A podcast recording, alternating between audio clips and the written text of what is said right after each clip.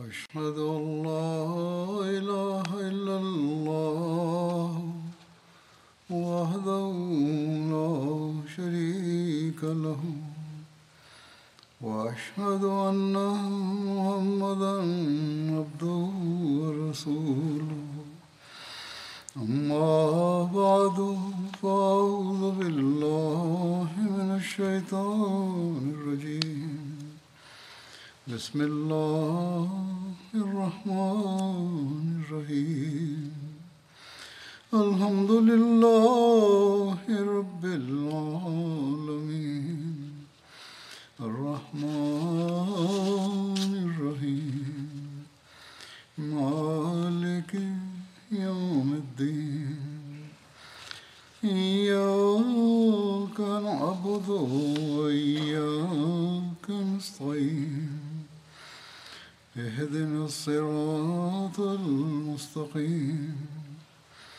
صراط الذين أنعمت عليهم غير المغضوب عليهم ولا الضالين. لن تنالوا البر حتى تنفقوا مما تحبون وما تنفقوا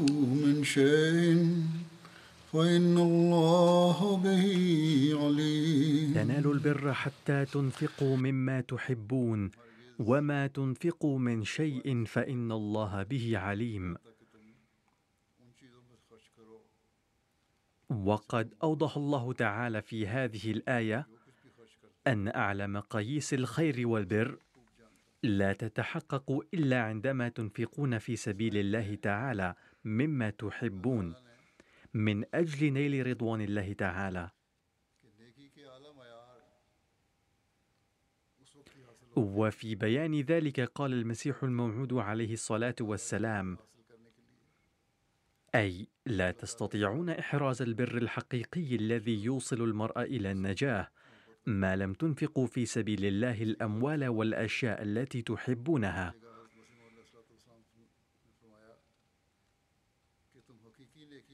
ثم قال حضرته في مكان آخر ينبغي الا يكون المرء متعلقا بأمواله يقول الله تعالى لن تنالوا البر حتى تنفقوا مما تحبون. لا يسع أحدا أن يدعي نيل البر بإنفاقه الأشياء التافهة الرديئة. إن باب الحسنة ضيق. فاعلموا جيدا أنه لن يدخله أحد بإنفاق الأشياء التافهة. إذ قد جاء في النص الصريح لن تنالوا البر حتى تنفقوا مما تحبون.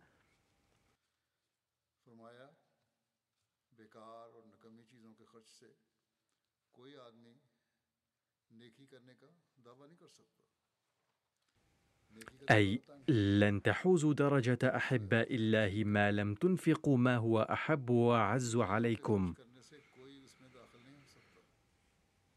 إن كنتم لا تريدون مكابدة المشقة ولا تريدون أن تعملوا البر الحقيقي فأن لكم أن تكونوا من الفائزين والناجحين.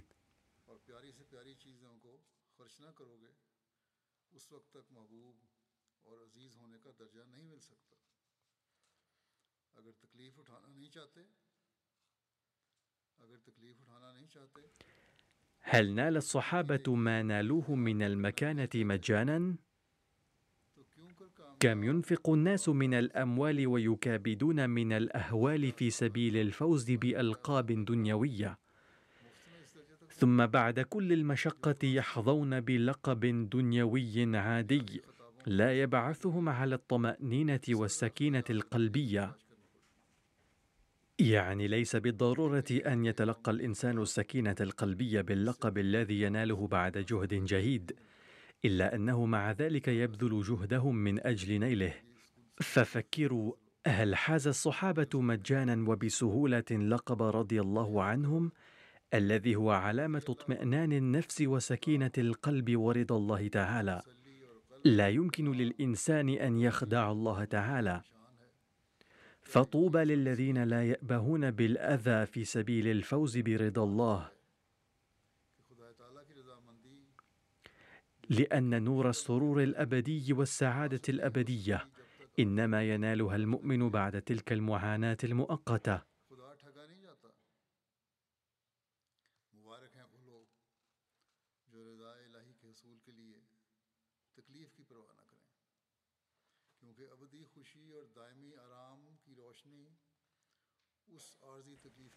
فهذا هو فهم إنفاق الأموال الذي يريد المسيح الموعود عليه السلام أن يخلقه فينا عملا بقول الله تعالى وهذا فضل كبير من الله تعالى على الجماعة وهو فضل كبير على كل أحمدي فهم هذا الأمر وقدم ماله لإنفاقه في سبيل الدين فهناك عدد كبير من أفراد الجماعة يقدمون أموالهم لحاجات دينية رغم احتياجهم لها. وهناك آلاف الأمثلة للأشخاص الذين يضعون احتياجاتهم جانبا ويقدمون تضحياتهم من أجل الحاجات الدينية.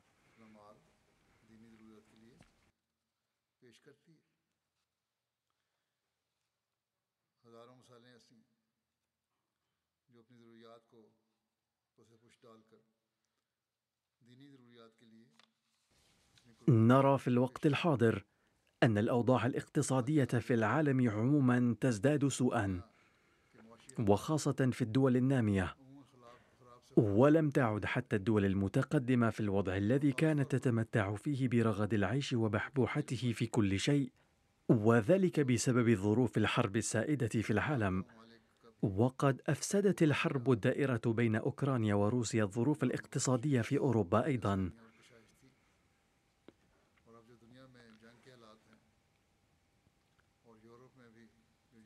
على أي حال تأثر اقتصاد البلدان النامية بشكل أكبر ثم إن فساد السياسيين في هذه البلدان جعل الوضع سيئا للغاية. ولكن على الرغم من ذلك فإن الأحمديين يتقدمون نحو الأمام في تضحياتهم المالية. هذا أمر يصعب فهمه في نظر الإنسان الدنيوي. لكن الذين إيمانهم قوي يعرفون أن هذه التضحية تؤدي إلى رؤية افضال الله تعالى وبركاته.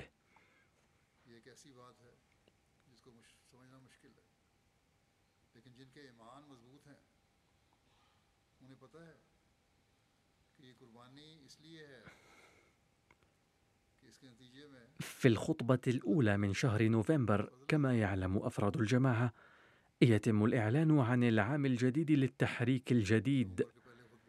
لذا سأقدم بعض الأحداث المتعلقة بالتحريك الجديد.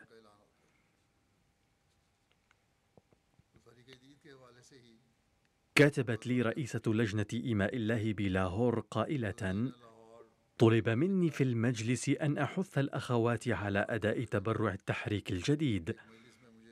كان مجلسا يحوي أفرادا من الطبقة المتوسطة الذين يكسبون دخلا متوسطا. تقول كنت أشعر بالخجل والتردد في المزيد من تحفيزهم لأنهم سلفا يقدمون تضحيات كثيرة. ولكن على أي حال لما طلب مني ذلك اضطررت للفت انتباههم إلى هذا الأمر. وتقول دهشت لما رأيت النساء يتسابقن في تقديم تضحياتهن. لقد شعرت بالخجل من أن ذوي الدخل المنخفض يقدمون تضحيات لا يمكننا حتى أن نتخيلها حتى لا يستطيع الكثير من الأثرياء أن يتخيلوها. لقد تبرعنا بمئات الآلاف من الروبيات على شكل نقود ومجوهرات. كذلك هناك تقرير وكيل المال الأول يحتوي على قائمة طويلة من عدة صفحات لأسماء النساء اللاتي قدمن حليهن.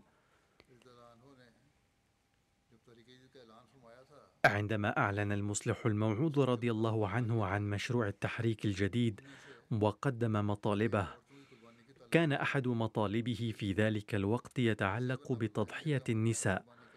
وهي ألا يتخذن الحلي الكثيرة أو أن يتخذن القليل منها ويقمن بتضحية أموالهن في التحريك الجديد. وأعتقد أن تقديم الحلي التي تم اتخاذها هو تضحية أكبر من عدم اتخاذ الحلي لأنه من الصعب جدا أن يعطي أحد مما هو بين يديه. فتلبية لنداء المصلح الموعود قدمت النساء الأحمديات هذه التضحية في ذلك الوقت. ولا زلن يقدمن اليوم أيضا. ليس في دولة واحدة فقط بل هناك نساء في هذه الدول الغربية أيضا يتبرعن بمجوهراتهن. بل يتبرعن بكل مجوهراتهن. ثم يصنعن حليهن من جديد. ولا يرتحن حتى يتبرعن منها لأنهن وفق قول المسيح الموعود عليه السلام يردن الحصول على السعادة الأبدية التي لا يمكن نيلها بدون التضحية. ثم هناك أناس فقراء يتبرعون ولو على حساب لقمة العيش لهم وهناك كثيرون ممن ينعم الله عليهم عاجلا ويعطيهم أكثر مما يتبرعون بطرق يتعجبون منها هم أنفسهم. سأروي هنا بعض أحداث مثل هؤلاء المخلصين ولكن في نفس الوقت سأطلب أيضا من الأغنياء أن يتعلموا من ذلك ويرفعوا من مستوى تضحياتهم. قال حضرة المصلح الموعود رضي الله عنه في إحدى خطبه هناك بعض الفقراء الذين يتبرعون بما يصل إلى 45% من دخلهم الشهري. وذلك إذا اعتبرنا مدخولهم الشهري هو نفقاتهم اليومية التي ينفقونها على المأكل والمشرب. لكن الأغنياء لا يعطون إلا واحدا ونصف في المئة. أما الآن فهناك من الفقراء من يتبرعون بنسبة مئة في المئة بحسب الطريق المذكور في حين أن الأغنياء ربما يتبرعون بواحد بالمئة وعليه فإن نسبة تبرع الدخل المئة بالمئة من الفقراء يكون أقل بكثير في الظاهر من إجمالي تبرع الأغنياء. لكن مقاييس تضحية الفقراء تكون عالية جدا. لذا يجب على الأثرياء أيضا أن يراجعوا أنفسهم من هذا المنطلق وليتذكروا أن الله تعالى لا يترك أي إنفاق في سبيله بلا جزاء. بل وقال الله تعالى في القرآن الكريم أنه يعطي بسبعمائة ضعف أو أكثر. على أي حال كما قلت سأقدم الآن بعض الأمثلة للمضحين في سبيل الله. ومن خلالها تتجلى روح التضحية والإيمان لديهم كما يتراءى فضل الله النازل عليهم عاجلا بعد تبرعهم في سبيل الله. غينيا بيساو دولة في أفريقيا. السيد محمود ينتمي إلى هذا البلد وهو ميكانيكي دراجات نارية. فلما حفزه الداعية المحلي على التبرع في صندوق التحريك الجديد أخرج كل ما كان في جيبه من مال وكان يبلغ عشرة آلاف فرنك.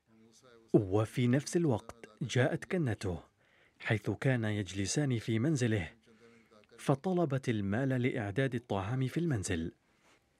كان السيد محمود قد نوى دفع كل هذه الأموال في صندوق التحريك الجديد لذلك تبرع بكل ما عنده من الأموال وطلب من كنته أن تصبر فذهبت. يقول الداعية يقول الداعية بينما كان السيد محمود يدور في خلده بشأن كيفية دفع نفقات لكنته إذ تلقى اتصالا من مكتب حكومي يطلب منه الحضور إلى المكتب وعند وصوله إلى هناك قيل له إنك أصلحت دراجاتنا النارية العام الماضي ولم ندفع لك ثمنها. وبالتالي قدم له شيكا بمبلغ 190 ألف فرنك.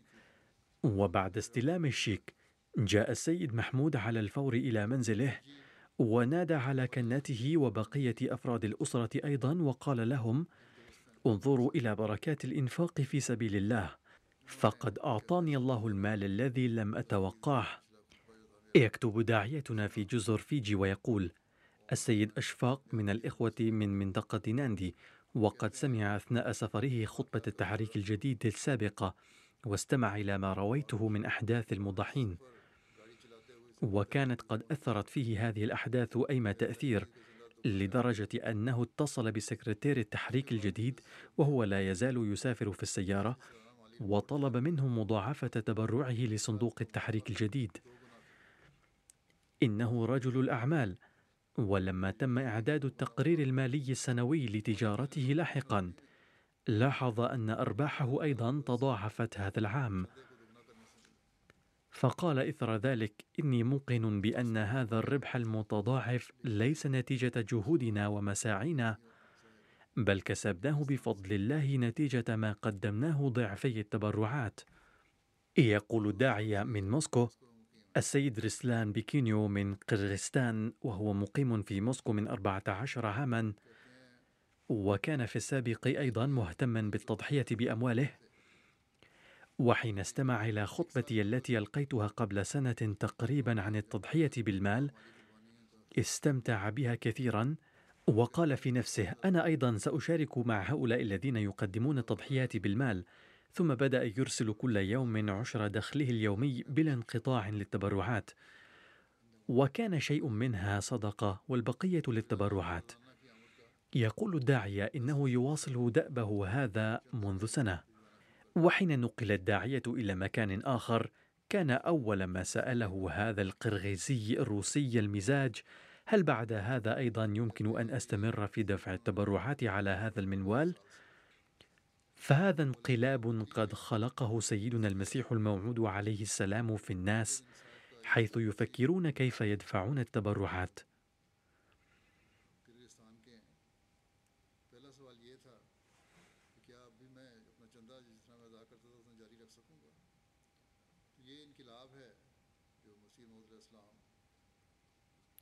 يقول أمير الجماعة في تنزانيا أحد الأحمديين هنا السيد محمد الثاني قد واجهت الشركة التي كان يعمل بها الخسارة. فقال صاحب الشركة إنه سيحسم من راتب كل موظف. فتألم كثيرا وكان يمر من الشهر الأخير لدفع التبرعات في صندوق التحريك الجديد فحين تواصل به الداعية لم يذكر له مشاكله بتاتا بل قد دفع له متوكلا على الله كل ما وعده. ثم أخبر في اليوم التالي أنه في اليوم التالي تلقى اتصالا من صاحب الشركة فقال له لن يحسم من راتبه شيء. ثم تم الحسم من رواتب زملائه لكنه تلقى راتبا كاملا. فقال إن ذلك ببركة ما دفعت في صندوق التحريك الجديد.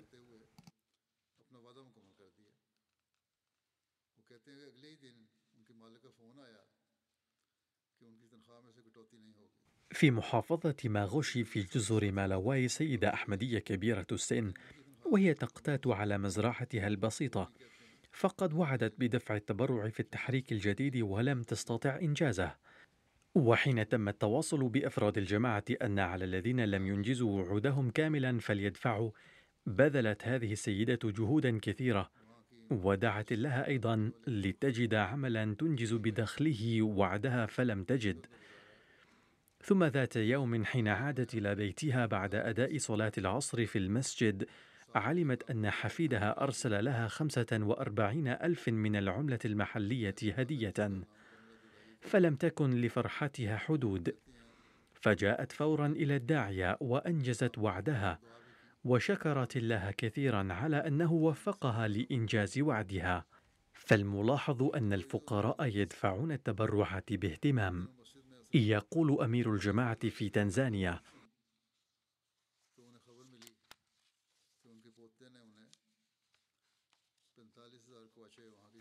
السيدة مريم من جماعة الشيانغا تقول إنها تلقت مكالمة من الداعية يقول فيها: أنجزي ما وعدت في صندوق التحريك الجديد، وكانت عندي عشرة آلاف شيلينغ فقط لمصروف البيت، فدفعتها في هذا الصندوق، ثم وهب الله لي في اليوم نفسه مئة ألف شيلينغ، وهي الأخرى تقول إنها ببركات التبرعات.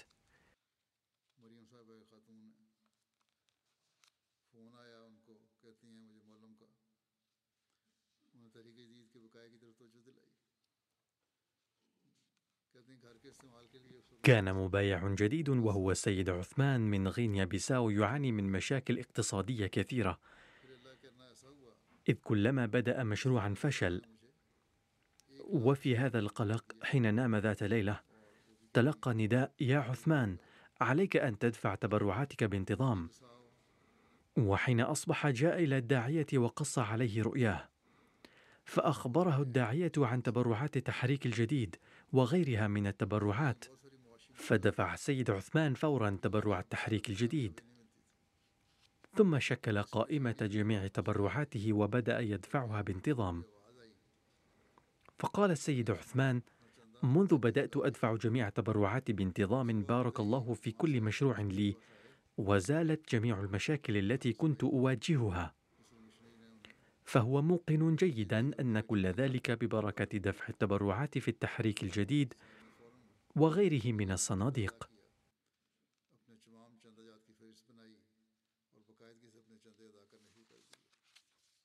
فهذه معاملة الله فهو يذكر المبايعين الجدد.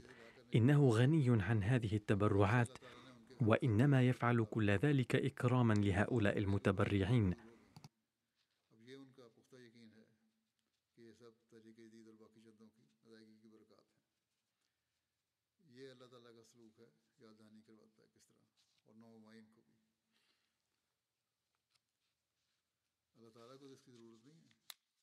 يقول الداعية السيد كامران المحترم من أستراليا إن أحد خدام الأحمدية لم يدفع التبرعات منذ عشر سنوات فجلست معه وأخبرته عن بركات التضحية بالمال.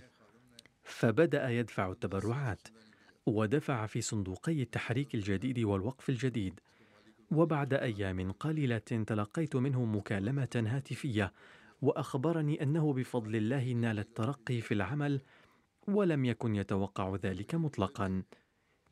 ثم قال إنما هو ببركة التضحية في سبيل الله.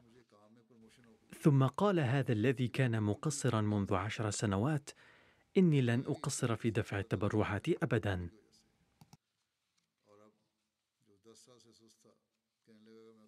في قرية نيامينا في غامبيا يقيم أحمدي اسمه عثمان.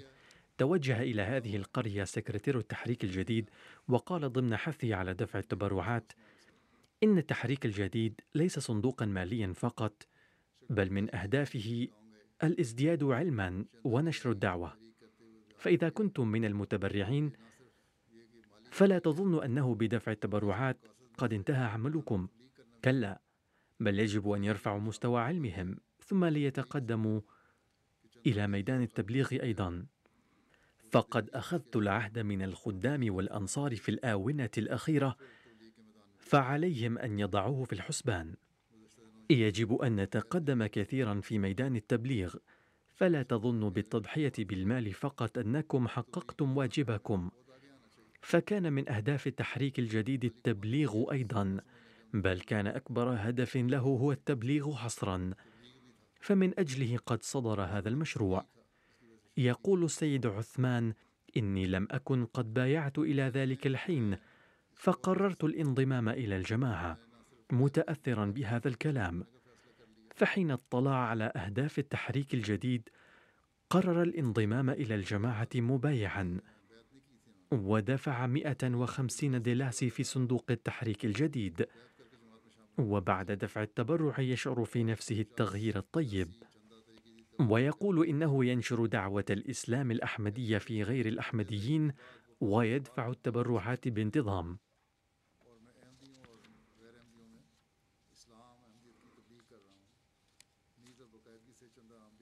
تقول سيدة من غامبيا إني منذ دفعت التبرع أشعر بانقلاب في نفسي وفي أولادي أيضا. وأرى أن الله يسد كل حاجة لنا وأن إحراز الحسنات والتضحية في سبيل الله يكسبنا أفضل الله بانتظام. يقول الداعية السيد كمارا في بلد أفريقي غينيا كوناكري إنه خرج لجمع التبرعات في القرية التي عين فيها. وحين طلب من زوجة إمام مبايع جديد التبرعات أخرجت خمسة آلاف غيني ثم قالت رافعة يدها إلى السماء يا إلهي هذا كل ما أملكه من النقود وأدفعها في سبيلك فتقبل مني. ثم سلمت له ذلك المبلغ فهي مبايعة جديدة في منطقة نائية من أفريقيا. يقول الداعية حين عدت إلى البيت بعد الجولة في القرية جاءتني هذه السيدة التي تبرعت بخمسة آلاف فرنك غيني وأخبرتني بفرحة عارمة إنني ربحت كثيرا في تجارتي مع الله اليوم إذ بعد ذهابك من عندي أرسل قريب لي ثمانين ألف فرنك غيني وهي أكثر من تضحيتي بأضعاف كثيرة. ومن غينيا كوناكري نفسها يقول داعية محلي السيد جالو المحترم إنه وصل إلى قرية أثناء العشرة المخصصة لجمع تبرعات التحريك الجديد وحين نصح مبايعا جديدا السيد شيخو المحترم الذي كان قد وعد بدفع ثلاثين ألف فرنك غيني في صندوق التحريك الجديد قال كل ما أملكه اليوم لمصروف البيت هو ثلاثون ألف فرنك غني فقط. لكنني أقدمها في سبيل الله فتقبل مني. وفي اليوم التالي اتصل بي وأخبرني بكل حماس. إن الله تقبل منه التضحية بالمال.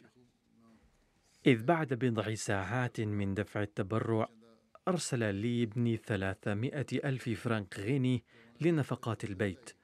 فقد قوى الله إيماني بهذا الحادث كثيرا. فالتبرعات التي تستلمها الجماعة منا إنما هي تنفق في سبيل الله فقط وسوف أظل أقدم التضحية هكذا. فقد اطمأن أيضا بأن ما أكرمه الله فإنما لأن هذا المبلغ ينفق في مصرف صحيح وأنه لم يضع. يقول سيد بايغا مرزويف من خازخستان وهو يدفع التبرعات بانتظام.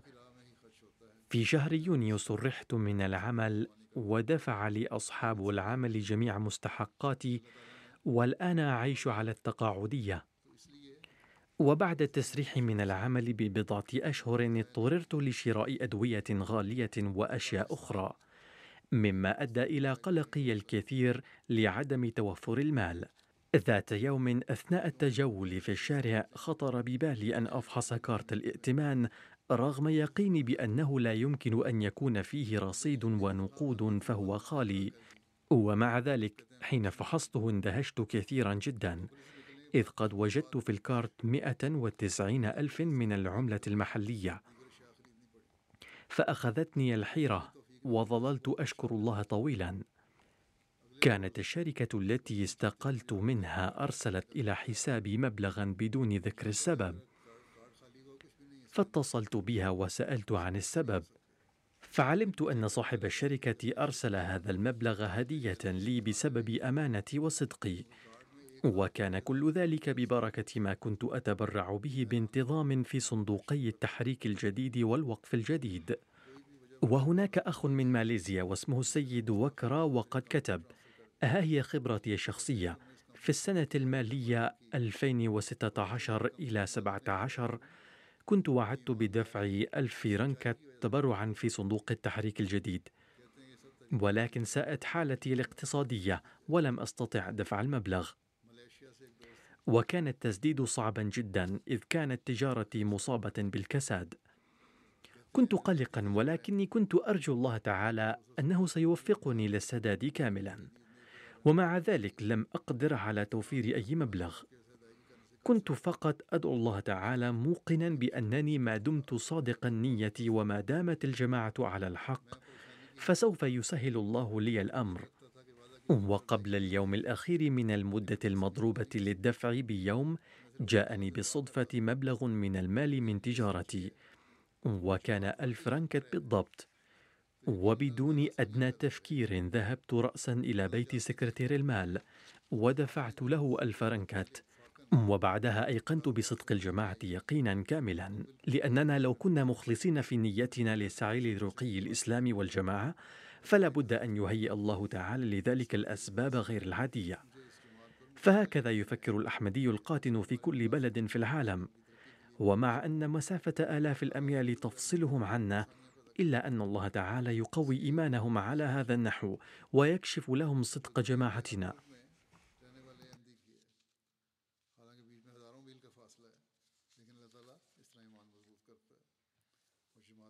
وهناك أخ من ألمانيا قال ساءت أوضاع الشركة التي كنت أعمل فيها فقلت ساعات الدوام فيها وبالتالي قل دخلي أيضا. وكانت هناك جلسة للحث على الدفع في مشروع التحريك الجديد واستمعت إلى الواقعات المثيرة التي تزيد الإيمان. فوعدت الله في قلبي بأني سوف أدفع خمسمائة من اليورو الإضافية.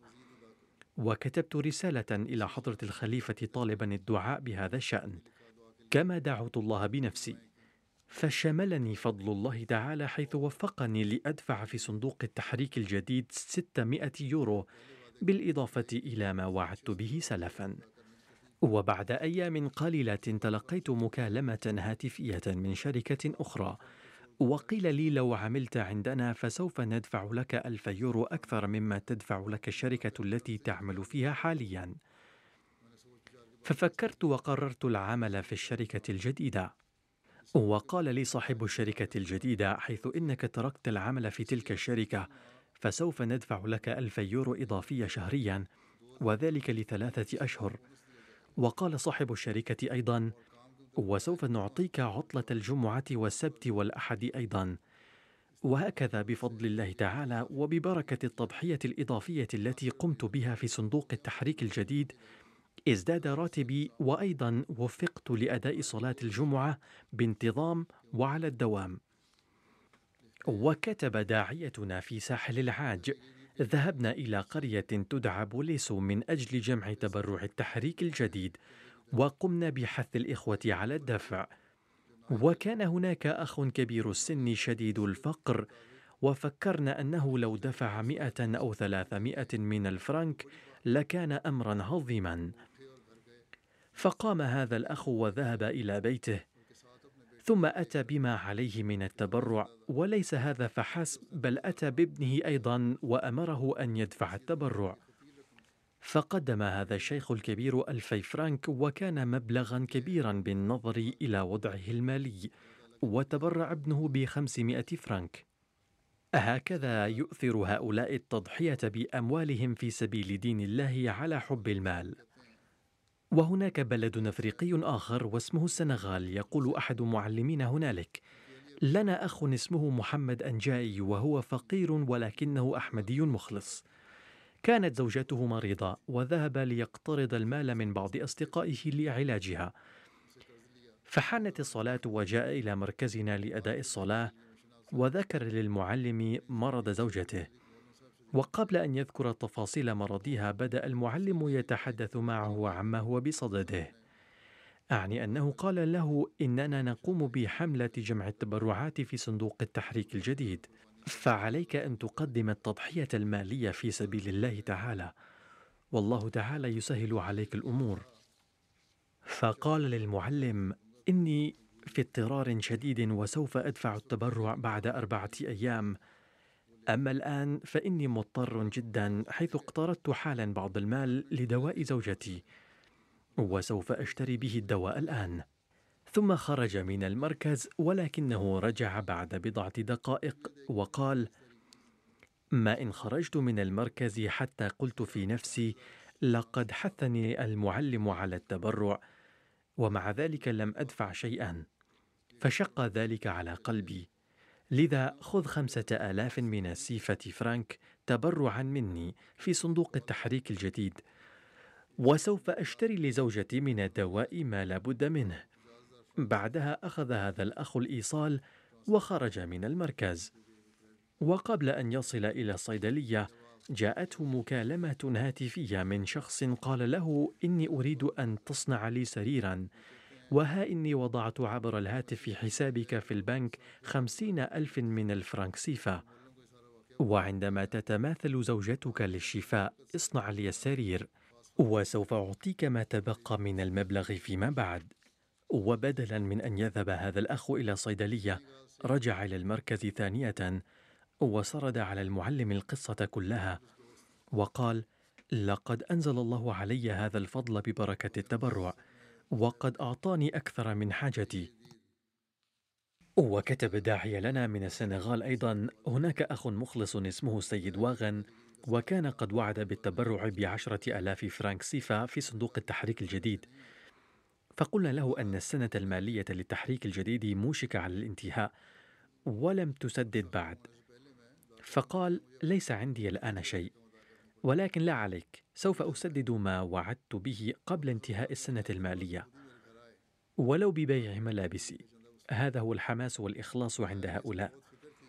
يقول المعلم بعد بضعة أيام حضر هذا الأخ إلى بيتي وقال خذ مني تبرعي في التحريك الجديد ثم أخبرني وقال كنت شديد القلق بهذا الشأن واليوم قد أرسلت لي ابنتي مبلغا وكانت مفاجأة كبيرة لي.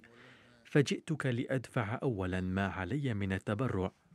فيوجد في الجماعة مثل هؤلاء المخلصين الذين لا يبالون بأي حاجة مادية لهم في هذا السبيل.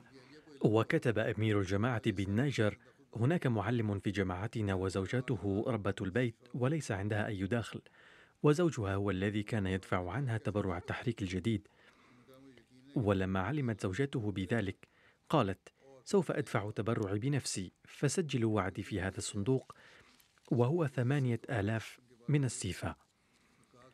فقال لها زوجها كيف ستدفعين هذا المبلغ؟ قالت إني على يقين أن الله تعالى سوف يقبل تضحيتي هذه. ثم اتفق أن جارة لها جاءتها وقالت إنك تجيدين الخياطة. فاصنعي لي ثيابي ودفعت لها ثلاثة آلاف من السيفة سلفا. فلم تلبث هذه السيدة أن دفعت هذا المبلغ في صندوق التحريك الجديد ثم بعد ذلك جاءها شغل الخياطة بكثرة بحيث تمكنت من تسديد كل التبرع الذي وعدت به بمنتهى السهولة. عندما بدأ حضرة المصلح الموعود مشروع التحريك الجديد كتبت له سيدات الجماعة إننا لا نستطيع دفع خمس روبيات أو عشر روبيات دفعة واحدة اليوم فاسمح بدفعها بالأقساط روبية أو روبيتين في كل شهر. هذا الحماس للإنفاق الذي أبدت النساء في ذلك الوقت لا يزال قائما حتى اليوم أيضا عند هؤلاء الذين يعيشون بعيدا عنا بمسافة آلاف الأميال. إنهم يسمعون نداء الخليفة مباشرة ولكن لا يفهمونه لأن بعضهم لا يعرفون اللغة أيضا إلا أن إخلاصهم كبير جدا. وكتب معلم لنا من السنغال أيضا. هناك فرع لجماعتنا في تامباكوندا وفيه أخ لنا اسمه السيد سعيدي ويملك قطيعا من الأبقار والخراف. فاتصل بنا بالهاتف وسأل ما هو التحريك الجديد؟ كان قد سمع من الأحمديين أنه يجب التبرع في صندوق التحريك الجديد. ففصل له المعلم عن مشروع التحريك الجديد تفصيلا وقال إننا نقوم في هذه الأيام بحملة جمع تبرعات التحريك الجديد.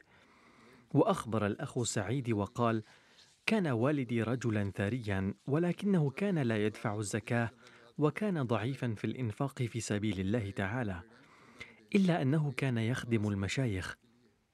وبعد وفاة والدي حصلت على كثير المواشي من ميراثه ولكني أيضا لم أنتبه إلى ضرورة الإنفاق في سبيل الله تعالى. ولما حثنا المعلم على أداء الزكاة وغيره من الصدقات والتبرعات قدم له الأخ سعيد بقرة وخروفين وقال إن أحد هذين الخروفين هو في صندوق التحريك الجديد خاصة. وبعد سبعة أيام من ذلك رأى هذا الأخ رؤيا أن وباء قد تفشى في المواشي يسيل به الماء من أجسادها وتموت. ولما كان الأخ يمتلك قطيعا كبيرا من الأنعام أصابه القلق في المنام نفسه حيث فكر أنه عنده أيضا المواشي فسمع في الرؤيا صوتا قويا يقول سوف تحفظ أنعامك ببركة ما تبرعت به في صندوق التحريك الجديد. كما رأى في الرؤيا نفسها ورقة مكتوب في أول سطر فيها. بسم الله الرحمن الرحيم. وأيضا اسم هذا الأخ. فاتصل بالمعلم وقص عليه رؤياه. فقال له المعلم اقرأ أول سطر في ورقة الإيصال الذي أعطيته. فمكتوب فيه بسم الله الرحمن الرحيم ومكتوب تحته اسمك أيضا. ثم مقدار المبلغ الذي تبرعت به في التحريك الجديد. وكان لا يقدر على قراءة شيء آخر سواه. يقول الأخ سعيدي فوجدت هكذا مكتوبا في الإيصال. فازددت بذلك وبالرؤية التي رأيتها إيمانا على إيمان. فالله تعالى يهدي الناس بطرق عجيبة غريبة. كتب الداعية المحلي من شيانغا تنزانيا. وعد السيد رمضان المبايع الجديد بدفع مبلغ جيد في صندوق التحريك الجديد.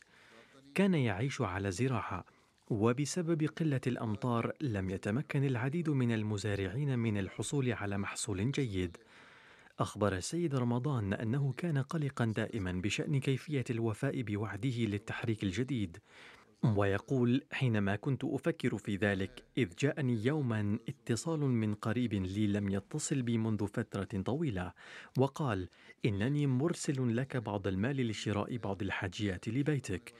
عندما حصل على المال ذهب مباشرة إلى سكرتير المال وسدد تبرعه ودفع أكثر من ذلك ويقول ان الله قد اعانني بهذا المال حتى اتمكن من الوفاء بوعد التبرع إذا هذه هي معايير تضحية أولئك الذين انضموا إلى الجماعة حديثا. كان أعداء الجماعة يسعون كل السعي للقضاء على الجماعة، ولكن انظروا كيف خلق الله تعالى روح التضحية من أجل الجماعة في قلوب المبايعين الجدد، ثم يكرمهم أيضا. هل يمكن لأفواه هؤلاء الأعداء أن تطفئ هذا المصباح الذي أضاءه الله؟ فليسعوا بما شاءوا فلقد قدر لهم الفشل والخيبة. وأما الجماعة فتتقدم بضرب أمثلة التضحيات في جميع أنحاء العالم. كان المصلح الموعود رضي الله عنه قد بدأ بمشروع التحريك الجديد لأن الجماعة كانت تواجه المعارضة من جميع الجهات. حتى أن المسؤولين الحكوميين كانوا يدعمون المعارضين وكان الهدف من إنشاء التحريك الجديد ازدهار الجماعة بواسطة التبليغ ورفع راية الإسلام في كل بلد من بلدان العالم عن طريق الجماعة الأحمدية. فهؤلاء الأشخاص الذين اعتنقوا الإسلام من خلال الجماعة الأحمدية هم الذين يسعون لضرب الأمثال في الإيمان والإيقان والتضحية. والواقعات كثيرة ولكن لا يمكن ذكرها كلها هنا في هذا الوقت. دعوني أخبركم المزيد عن التحريك الجديد وخلفيتها التاريخية. وكما ذكرت كانت الفتنة والشر ضد الجماعة متزايدا من كل جانب، وعلى وجه الخصوص بذلت حركة الأحرار كل جهودها لعيث الفساد، وكان شعارهم محو الأحمدية من المعمورة، ومحو آثار قاديان. وكانوا يدعون تدمير قاديان نهائيا حتى كانوا قد خططوا لهتك حرمة ضريح المسيح الموعود والأماكن المقدسة الأخرى. وكانت الحكومة أيضا مائلة إلى المعارضين أكثر، مع أن الحكومة كانت للإنجليز في ذلك الوقت، فهي كانت تدعمهم بدلا من إنهاء الفتنة. وفي هذه الظروف قدم حضرة المصلح الموعود رضي الله عنه مشروعا أمام الجماعة ولفت فيه الانتباه أيضا إلى التضحية المالية. هذا في سنة 1934 وقد ألقى حضرته بعض الخطب التي ذكر فيها بعض الأمور التمهيدية والخلفية لماذا يريد بدء هذا المشروع. كان ذكر ذلك فقط أولا ولم يشرح التفاصيل الكاملة. لكن المخلصين بدأوا يكتبون إليه أنهم مستعدون لتقديم كافة أنواع التضحيات. فأبدى سروره بذلك. وقال إنني سأشرح هذه التفاصيل لأنني أريد أن يكون أبناء الجماعة مستعدين للتضحية لأنه في بعض الأحيان لا بد أن تكون التضحيات طويلة وأن يكون النساء والأطفال مستعدين لها أيضا إنها ليست مسؤولية الرجال فقط بل يجب على النساء أيضا أن يفهمن مسؤولياتهن. ورغم أنه لم يكن مطلوبا من كل أحمدي في ذلك الوقت أن يشترك في هذا المشروع إلا أن أعضاء الجماعة أظهروا روحا غير عادية من الإخلاص والوفاء. المهم أنه في عام 1934 أعلن عن الصندوق رسميا وقال إنه يتعين علينا الرد على هجمات العدو ولكن ليس بالقيام بأعمال شغب مثلهم بل بالتبليغ. لأن العدو حصل على هذه الفرصة فقط لأننا لم نؤدي حق التبليغ بالكامل ولم نخطط له بالتفكير الرصين والجدية كما يجب أن يكون. ولم نبذل الجهد الذي كان ينبغي بذله لنشر رسالة الأحمدية في أنحاء العالم. ولم نؤدي حقه كما كان يلزم. وفي ذلك الوقت قدم للجماعة برنامجا ركز فيه على إصلاح أنفسهم ورفع مستوى تضحيتهم كما دعاهم إلى تضحية مالية قدرها 27 ألف روبية وكان من المقرر تحصيلها في ثلاث سنوات. ولكن الله بفضله وفق الجماعة المليئة بالإخلاص والوفاء لدفع مئة ألف روبية في عام واحد استجابة لدعوة الخليفة. وبالنظر إلى الوضع المالي للجماعة في ذلك الوقت فقد كانت هذه تضحية كبيرة. كان الناس يدفعون بضعة قروش. في ذلك الوقت النموذج الذي قدمه أبناء الجماعة بحرمان أنفسهم وأولادهم من لقمة العيش تقبله الله تعالى بحيث فتحت طرق الدعوة غير العادية في العالم. كذلك لم تقتصر هذه التضحيات عليهم فقط بل لا تزال مثل هذه النماذج مستمرة حتى اليوم كما نرى في هذه الأحداث التي ذكرتها باختصار حيث قدم هؤلاء الناس تضحيات مالية فقد كرسوا حياتهم أيضا للدين وذهبوا للتبليغ في بلدان بعيدة واضطر البعض إلى تحمل مشاق السجن والأسر. في البداية مدد المصلح الموعود رضي الله عنه هذا المشروع لمدة عشر سنوات من ثلاث سنوات إلى عشر سنوات ثم عند تمام العشر سنوات نظرا إلى نتائجها السعيدة وبناء على رغبة المضحين مده أكثر فأصبح مشروعا دائما. إن مشاهد تأييد الله ونصرته التي نراها اليوم هي نتيجة تضحيات هؤلاء الأوائل التي تقبلها الله. بل إلى الآن لفت انتباه المبايعين الجدد أيضا أحيانا إلى التضحية المالية في هذا المشروع من خلال الرؤى. كما ذكرت في الأحداث وينبغي لأجيال هؤلاء المضحين الأوائل أن يتذكروا تضحيات أجدادهم ويحاولوا مواصلة هذه التضحيات بأنفسهم وأحفادهم. كما يجب أن يقدموا أقصى قدر من التضحية بسبب الأفضال التي نزلت عليهم. باختصار كان عدد المشتركين الأوائل في هذا المشروع خمسة آلاف.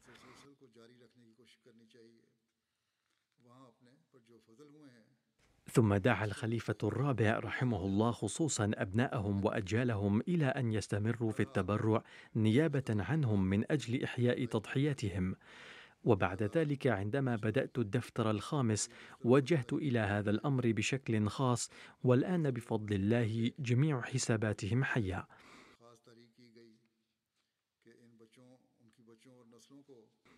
ولما أكمل مجاهد الدفتر الأول عشر سنوات أعلن خليفة المسيح الثاني الدفتر الثاني للتحريك الجديد وانضم إليه من جاءوا بعدهم. وحدد فترة هذا الدفتر تسعة عشر سنة وقال سوف تستمر سلسلة إنشاء هذه الدفاتر في المستقبل بعد كل تسعة عشر عاما وبعد كل تسعة عشر عاما سينتهي دفتر ويبدأ دفتر يليه.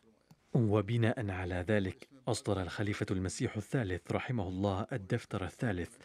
وكان ينبغي إجراؤه بعد 19 عاما في عام 1964 ولكن بسبب مرض خليفة المسيح الثاني لم يتمكن من الإعلان عن ذلك في ذلك الوقت.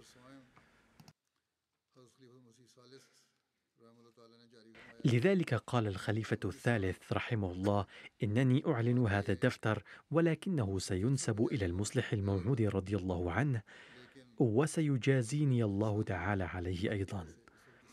أعلن عنه عام 1966 ولكنه قال سيصدر اعتبارا من نوفمبر عام 1965 ثم في عام 85 أصدر خليفة المسيح الرابع رحمه الله الدفتر الرابع. استمر هذا الدفتر الرابع لمدة 19 عاما.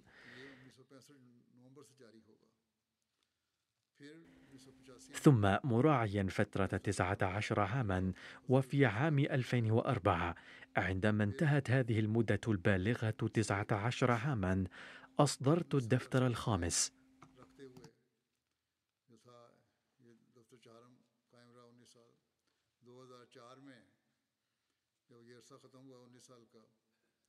واليوم بعد إتمام تسعة عشر عاما أخرى أعلن الدفتر السادس.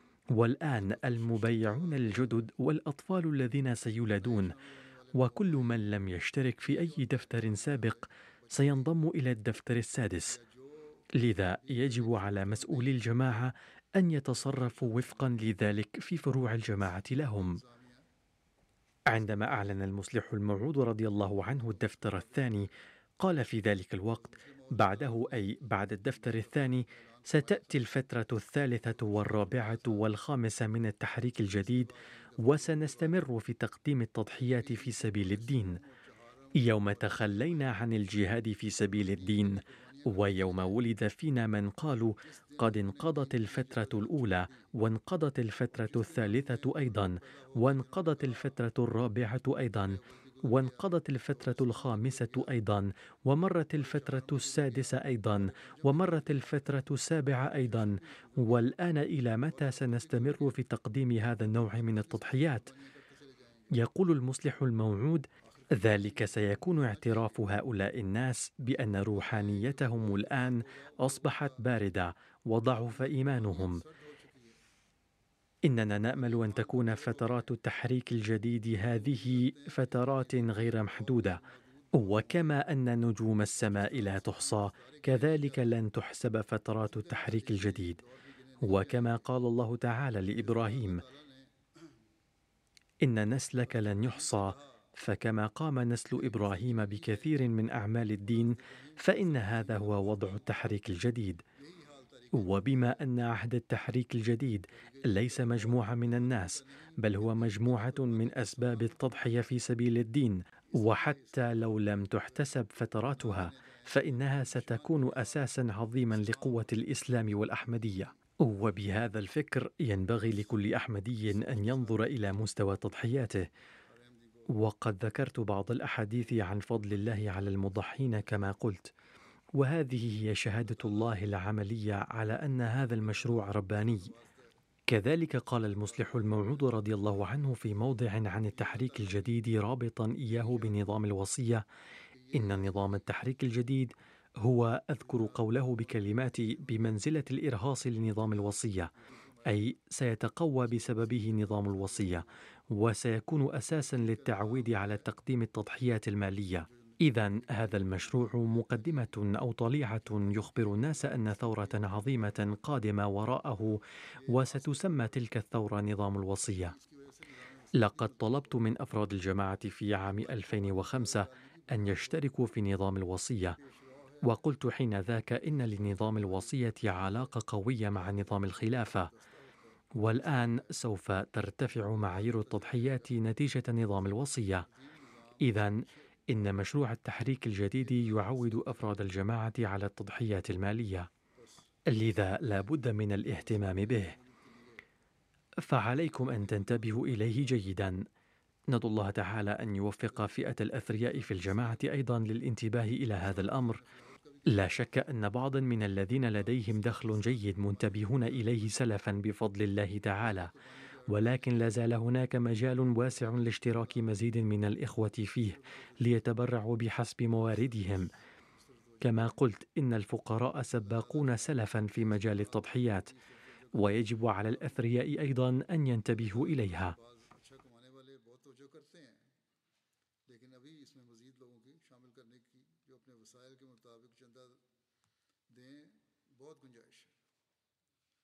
والآن سأقدم الإحصائيات للسنة المنصرمة ولكن أسرد أولا ثمار مشروع التحريك الجديد التي نراها عيانا. كانت الجماعة في البداية مقتصرة على قاديان فقط أو كان هناك عدد قليل منهم في الهند. أما الآن فتوجد مساجدنا في 220 بلدا من بلاد العالم ويربو عددها على 9300 مسجد. وعدد الدعاة في العالم يقارب خمسة آلاف وهذا العدد في ازدياد مستمر. إن تراجم القرآن الكريم جارية على قدم وساق بفضل الله تعالى وقد ترجم إلى سبعة وسبعين لغة وتنشر كتب الجماعة أيضا في لغات مختلفة. هذا وهناك أعمال أخرى كثيرة بدأت ببركة مشروع التحريك الجديد وهي مستمرة. صحيح أن بعض أنواع التبرعات الأخرى أيضا تنفق لإنجاز الأعمال المذكورة آنفا ولكن لمشروع التحريك الجديد دورا كبيرا في إنجازها. والآن أعلن بداية العام الجديد لمشروع التحريك الجديد علما أن السنة التاسعة والثمانين لهذا المشروع قد انتهت في الواحد والثلاثين من أكتوبر المنصرم وها قد دخلنا في السنة التسعين. لقد وفق الله تعالى للجماعة في العام لتقديم تضحية مالية قدرها 17 مليون ومئة ألف جنيه استرليني فالحمد لله. وهذا المبلغ يربو على السنة التي سبقتها وتسعة وأربعين ألف. لقد احتلت جماعة ألمانيا هذه السنة أيضا المرتبة الأولى محافظة على مرتبتها. لقد تدهورت أسعار العملات كثيرا جدا في بلاد العالم كلها بسبب الظروف الاقتصادية ولا سيما في باكستان. ومع ذلك رفعت فروع الجماعة في كل مكان مستوى تضحياتها. كما قلت قبل قليل احتلت جماعة ألمانيا مرتبتها الأولى باستثناء باكستان من بين جميع البلاد. إن قائمة فروع الجماعة التي احتلت المراتب العشرة الأولى هي ألمانيا، بريطانيا، وجاءت جماعة كندا في المرتبة الثالثة، وجماعة أمريكا في المرتبة الرابعة. ثم هناك جماعة من الشرق الأوسط، ثم الهند، ثم أستراليا، ثم إندونيسيا. ثم هناك جماعة أخرى من فروع الجماعة في الشرق الأوسط ثم غانا لقد تدهور سعر العملة المحلية في غانا أيضا كثيرا ومع ذلك حافظت جماعة غانا على مرتبتها العاشرة هذه السنة أيضا أما فروع الجماعة الصغيرة الجديرة بالذكر فهي إيرلندا، موريشيوس، هولندا، ماليزيا، سنغافورة، نيوزيلندا، كازاخستان، ليبيريا، سيراليون وبنين. إن عدد المشتركين الإجمالي في هذا المشروع قد زاد على مليون وستمائة ألف نسمة وفروع الجماعة التي اجتهدت في هذا المجال أكثر من غيرها هي غينيا كوناكري، جاميكا، قرغيزستان، زامبيا، نيبال، غانا، كينيا، تنزانيا، كونغو كنشاسا، كونغو برازافيل، نيجيريا، السنغال، ساحل العاج، وجماعة من بلاد الشرق الأوسط. فروع الجماعة العشرة الأولى في ألمانيا هي رويد مارك رودغا كيل أوسنابروك بينيبورغ نويس كولون مهدي عباد فلورسهايم وهذه القائمة من حيث الأمارات هي كما يلي هامبورغ تحتل المرتبة الأولى ثم فرانكفورت ثم غروس غيراو ويسبايدن تسونباغ ريتشتات ويزلهايم مورفلدن والدورف دامشتاد ومنهايم. قائمة فروع الجماعة الخمسة على مستوى المناطق هي منطقة بيت الفتوح إسلام آباد ميدلاند منطقة بيت الفضل ومنطقة بيت الإحسان. إن قائمة فروع الجماعة الكبير في بريطانيا تشمل فارنهام ووستر بارك ساوث جيم إسلام آباد والسال إيش جيلينغهام أولدرشوت يول بريدفورد نورث. أما فروع الجماعة الصغيرة فهي سبين فالي سوانزي نورث هامبتون نورث ويلز نورث بورت فروع الجماعة في كندا على مستوى الأمارات هي وان ثم كالغري ثم قرية السلام ثم فانكفور ميسيساغا وتورونتو وقائمة الفروع الصغيرة في كندا تشمل هاملتون أولتون أوتاوا الغربية برادفورد الشرقية هاملتون الغربية مونتريال الغربية وينيبيغ ريجينا لويدمنستر وأبوتسفورد. ثم هناك ذكر فروع الجماعة في أمريكا كما يلي. ميرلندا تحتل المرتبة الأولى ثم فيرجينيا الشمالية لوس أنجلوس سياتل شيكاغو سيليكون فالي ديترويت هيوستن أوشكوش نورث جيرسي ساوث فيرجينيا جيرسي المركزية ودالاس. فروع الجماعة التي احتلت المراتب الأولى بشكل عام في باكستان هي جماعة لاهور ثم ربوة ثم كراشي. وهذه القائمة على مستوى المحافظات في باكستان تشمل محافظة فيصل أباد ثم غجرانوالا ثم غجرات ثم عمركوت ثم حيدراباد ثم ميربور خاص ثم لودران. ثم بهاولبور ثم كوتلي في كشمير الحرة ثم محافظة جهلم. فروع الجماعة في باكستان من حيث جمع أكبر مبلغ في التبرع هي أمارة تاون شيب بلاهور أمارة علامة إقبال تاون بلاهور دار الذكر بلاهور عزيز آباد كراشي مغلبورة بلاهور ملتان أمارة بيت الفضل في مدينة فيصل أباد غجرانوالا كويتا وبشاور. أما قائمة فروع الجماعة الصغيرة في باكستان فتشمل كوكر الغربي شويندا كوت شريف أباد بشير آباد سندا كاريان حياة أباد بندي باغو دار الفضل كنري نواز أباد خيربور. ترتيب فروع الجماعة العشرة في الهند على مستوى الأقاليم هو كما يلي تحتل إقليم كيرالا المرتبة الأولى ثم تامل نادو ثم كرناتك ثم تلنغانا. ثم جامو ثم كشمير ثم أوريسا ثم البنجاب ثم البنغال ثم دلهي ثم مهاراشترا ترتيب الجماعات العشرة الأولى في الهند من حيث مستوى التضحية هو كومبيتور تامل نادو ثم قاديان ثم حيدرآباد ثم كالكت ثم منجيري ثم ميلابالم ثم منغلور ثم كالكوتا ثم كيرالوي ثم كيرنغ. فروع الجماعة العشرة الأولى في أستراليا هي ملبورن لانغوارن ملبورن بيروك مارستن بارك بينريث بيرث أديلايد الغربية كاسل هيل بريسبن كوغنا الشرقية براماتا ميلبورن كلايت. ندعو الله تعالى أن يبارك في أموال جميع المضحين ونفوسهم ويوفقهم لتقديم التضحيات أكثر من ذي قبل. تذكروا أهل فلسطين في أدعيتكم دائما ولا تنسوهم. إن النساء والأولاد الصغار يسحقون هنالك في رحى الظلم والإضطهاد فندعو الله تعالى أن ينجيهم منها سريعا.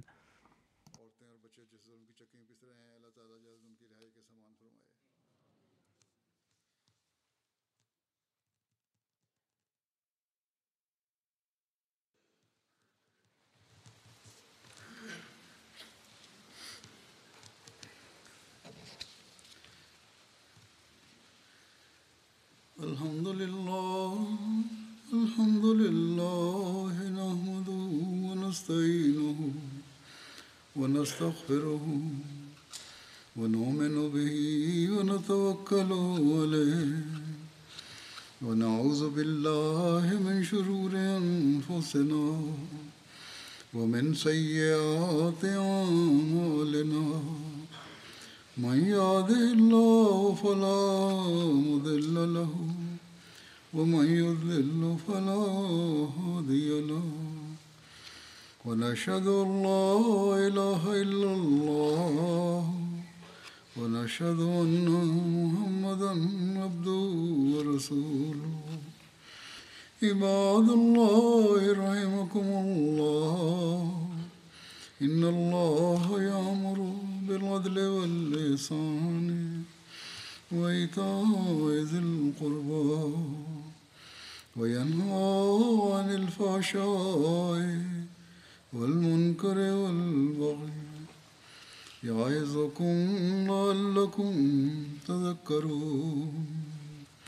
اذكروا الله يذكركم ودوه يستجب لكم ولذكر الله أكبر.